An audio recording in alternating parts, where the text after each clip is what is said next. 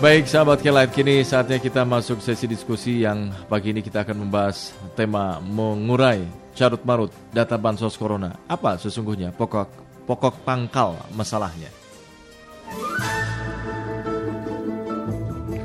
Pendistribusian bantuan sosial yang bagi warga yang terdampak pandemi virus corona menuai sejumlah persoalan, mulai dari pendataan hingga distribusi yang tidak tepat sasaran. Nah, di aspek pendataan, pemerintah pusat dikritik karena tidak punya basis data yang terintegrasi. Padahal, Presiden Jokowi meminta agar penyaluran bansos kepada masyarakat yang terdampak COVID-19 dipercepat.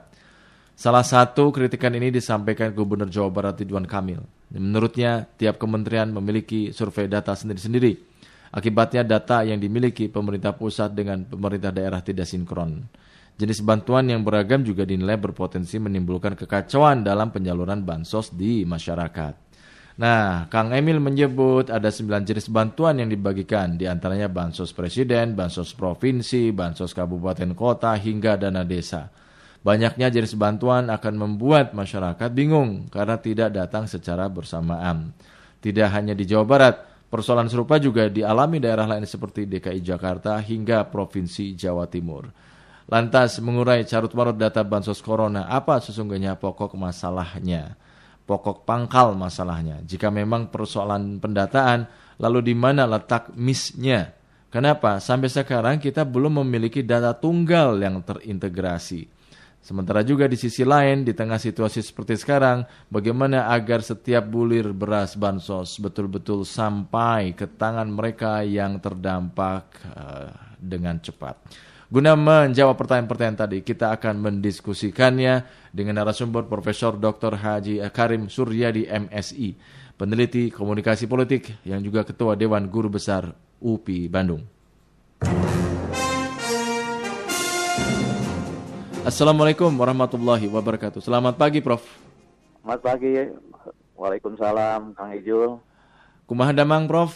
Alhamdulillah. Alhamdulillah. Ya, syukurlah kalau begitu kita semua jadi tetap harus tetap sehat ya, Prof ya. Oh iya, iya. Pokoknya ya, modalnya dua lah. Eh, apa Imun dan iman. Imun dan iman ya betul setuju setuju setuju. Prof, ini kan di tengah pandemi corona kan pendistribusian data bansos terkendala tumpang tindih data nih, Prof. Ya. Terjadi salah sasaran akibat terkendala pendataan. Nah, menurut Anda apa dan di mana pokok masalah sebenarnya ini, Prof? Nah, eh, jadi dulu itu ada seorang filsuf politik ya. Mhm.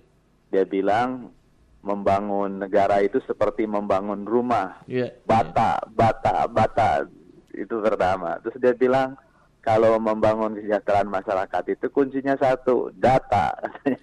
Oke. hanya, hanya masalahnya tadi dibilang Eh, dan dan ini yang sering kita temukan ketika mau pemilu gitu kan. Iya, iya. Jadi jadi saya bayangkan jangankan data terkait bansos yang ujung-ujungnya menerima bantuan baik Mhm. uang maupun barang. Iya. Bahkan untuk sekedar mendata pemilu saja yang tidak berimplikasi uang atau barang itu menimbulkan masalah gitu ya. Mhm. Karena ada keuntungan imaterial di sana. Iya, iya. Ya.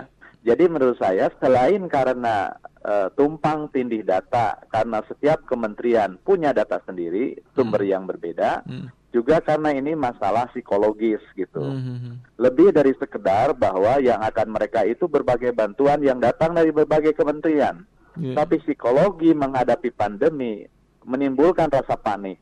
Iya. Dan ketika rasa panik muncul, maka keinginan untuk mendapatkan sesuatu yang bisa mengeluarkan dia dari rasa panik itulah yang akan mendorong dia untuk berharap mendapatkan bantuan. Hmm. Itu yang pertama. Yang kedua, secara ekonomis pandemi ini juga banyak membuat orang-orang miskin baru Iya. atau setidak-tidaknya mereka miskin gitu ya. Iya. Mereka yang kehilangan pekerjaan dan lain-lain. Mhm. Sebab eh, di negara kita misalnya orang mendapatkan 600 ribu hanya sebulan untuk tiga untuk tiga bulan itu kan tidak akan mencukupi ya. Betul. Tidak akan mencukupi. Karena itu maka persoalannya bagaimana kita setiap orang mengurangi kesenangan. Mhm. Bukan hanya mereka yang akan mendapat bantuan, mereka yang tidak mendapat bantuan juga dikekang kesenangannya. Iya, Ya iya. beda misalnya dengan di Australia ya. Mhm. Teman saya yang tinggal di Melbourne, dia bercerita kepada saya, ah di sini lockdown nggak ada masalah Hmm. dan pemerintahnya tegas sekali lockdown lockdown yang keluar sanksi. Iya. Tapi semuanya dijamin. Iya, iya mereka betul. yang bekerja, mereka yang bekerja lalu karena lockdown mereka dibuat nganggur, Hmm. setiap minggu mereka mendapatkan 600 dolar. Hmm. Sedangkan pensiunan mendapatkan 1.300 dolar, kurang lebih Oh. 6 juta dan 13 juta seminggu. Iya, iya, iya. Ya jadi kalau orang Indonesia mungkin mungkin mikir nggak usah lockdown seumur umur kan gitu ya. Kalau benar benar. mendapatkan 6 juta seminggu, Iya, tapi di iya. kita mendapatkan 600 ribu sebulan ribut Mm, gitu kan? Iya, iya. Soalnya Karena apa? uangnya banyak dikorupsi kalau di kita, Prof. Nah, satu sisi itu kedua, coba aja sekarang kita melihat betapa masalah kemiskinan ini menjadi landscape pandemik ini. Iya, iya, iya. Tidak jarang kalau saya melihat gang-gang ditutup, lockdown lokal. Hmm. Tapi apa? Digantelan kardus kosong. Iya, iya, iya, iya. jadi jadi artinya menurut saya pemerintah harus membaca bahwa sekarang saatnya memfokuskan semua perhatian untuk meringankan beban karena pandemik ini beban gitu. Iya, iya. Jadi jangan mikir yang lain, jangan mikir investasi lah, jangan mikir pariwisata lah. Mm-mm. Eh, nanti aja dulu. Mhm. Jadi pemerintah sekarang harus berpikir strategis, bedakan mana keinginan, mana harapan, mana angan-angan, Iya, iya, iya, iya. gitu ya. Iya. Bacalah keinginan rakyat untuk mendapatkan makan, kepastian makan hari ini, besok itu yang pasti. Mm-mm. Jangan jangan malah bermain wacana, membedakan mudik dan pulang kampung, Hmm. melonggarkan, Mhm. menyalahkan masyarakat, pelanggaran dan lain-lain. Mm-mm. Jadi intinya menurut saya, selain karena basis datanya berbeda-beda, juga karena ini masalah psikologis.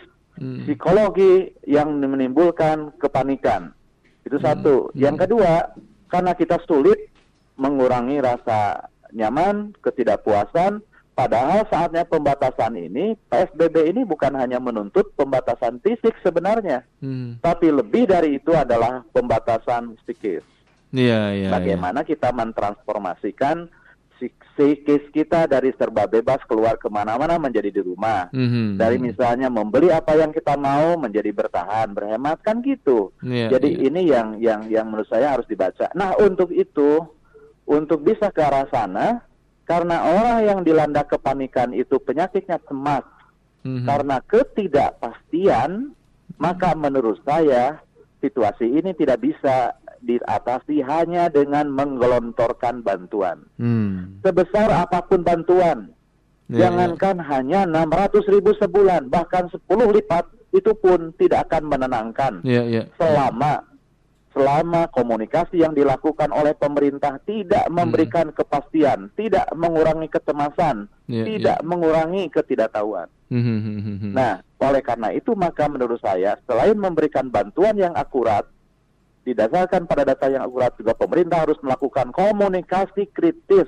Mhm. Komunikasi krisis ini dengan cara-cara satu lakukanlah komunikasi secara terperinci detail gitu. Mhm. Yang kedua harus dengan low contact artinya apa yang diucapkan dengan apa yang dimainai harus sama, Sama, gitu. iya, iya. Kalau bilang hitam hitam, putih putih, jangan abu-abu sekarang. Iya, iya. Pemerintah tidak melarang, tapi menghimbau untuk tidak mudik.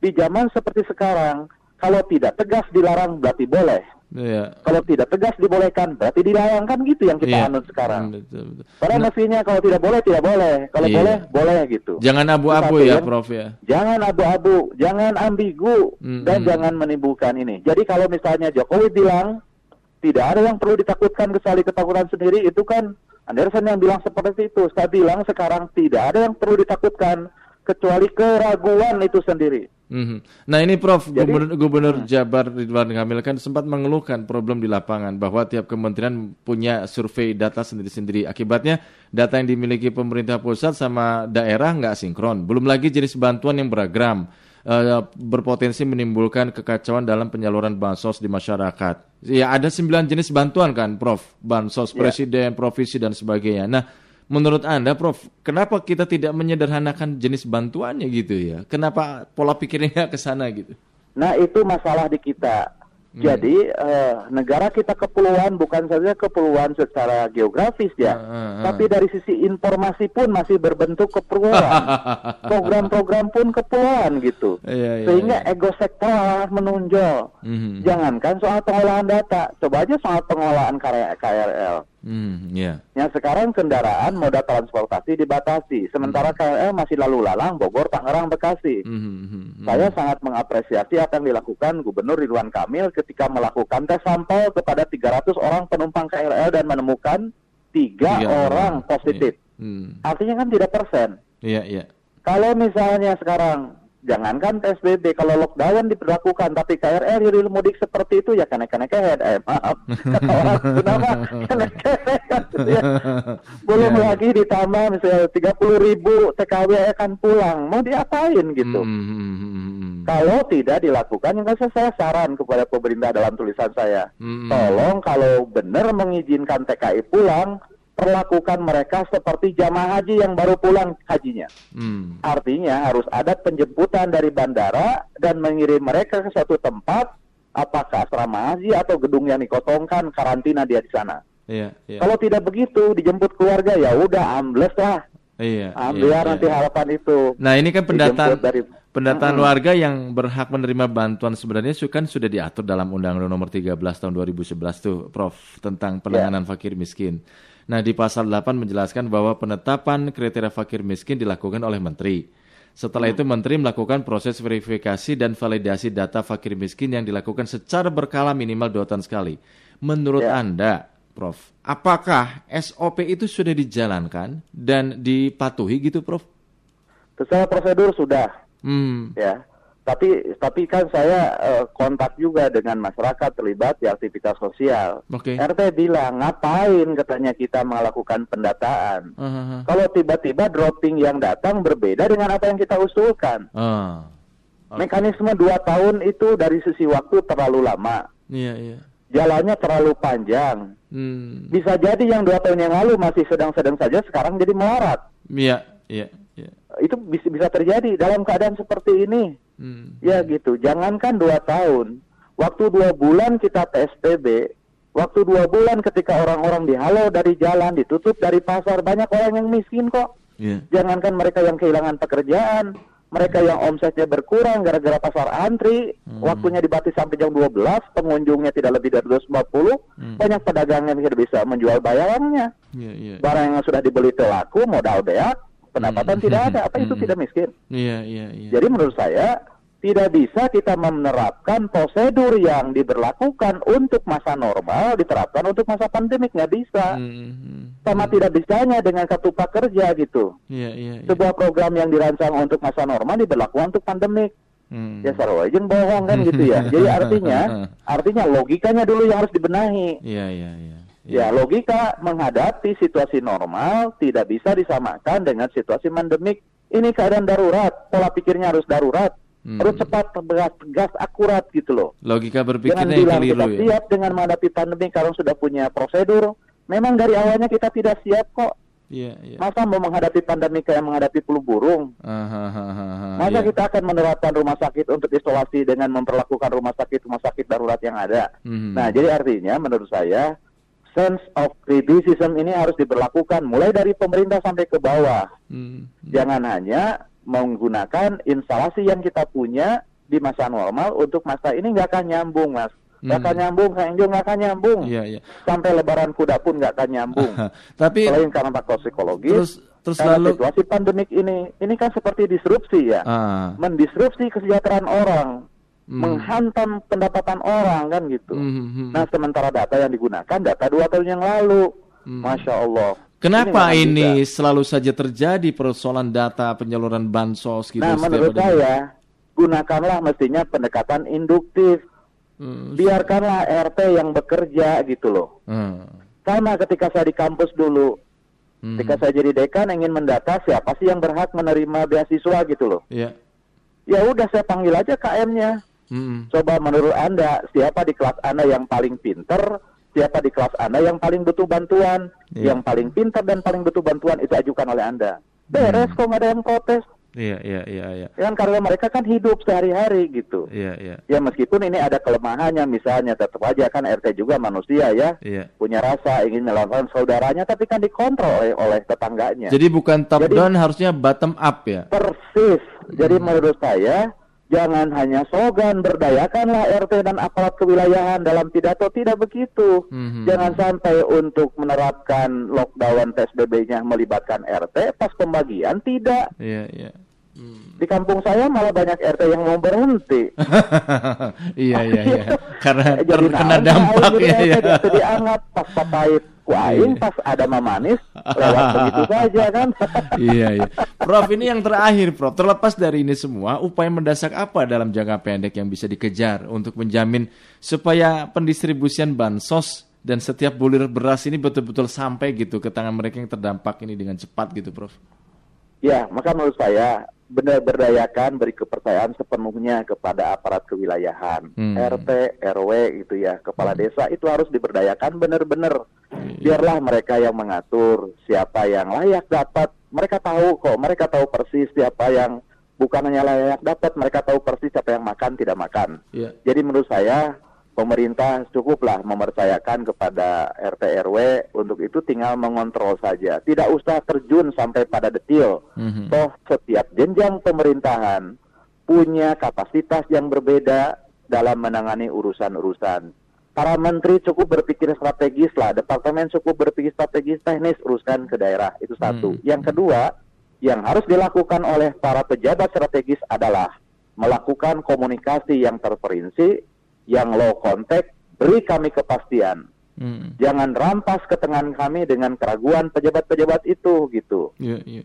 Jadi jadi definisikan keinginan kita jangka pendek ini apa harus ini harus Hmm. apa harapannya seperti apa Iya. dan jangan lupa setiap program jangka panjang itu misalnya gini misalnya Mei kita mulai beroperasi normal Iya. gitu kan Mhm. akhir Mei mau operasi normal dua minggu dievaluasi untuk bisa beroperasi normal itu rinci program-program untuk mewujudkannya Hmm. jalan untuk menempuhnya Hmm. sebab jika harapan tanpa disertai langkah-langkah konkret itu akan jadi angan-angan. Iya, baik. Itu Prof. dalil. Baik, terima kasih Prof atas waktunya kita kasih, Kang bincang Ejo pagi ini. dan sahabat Yes. Semuanya. Tetap Salam. optimis dan berharap semua penyakit ada obatnya. Amin, siap, siap. Ya, terima kasih Allah Prof. Tidak menolak tapi menunda. Ya terima Ya. kasih Mangga. Assalamualaikum warahmatullahi wabarakatuh. Waalaikumsalam warahmatullahi wabarakatuh. Demikian sahabat kelab Profesor Dr. Haji Karim Suryadi MSI, peneliti komunikasi politik yang juga Ketua Dewan Guru Besar UPI Bandung.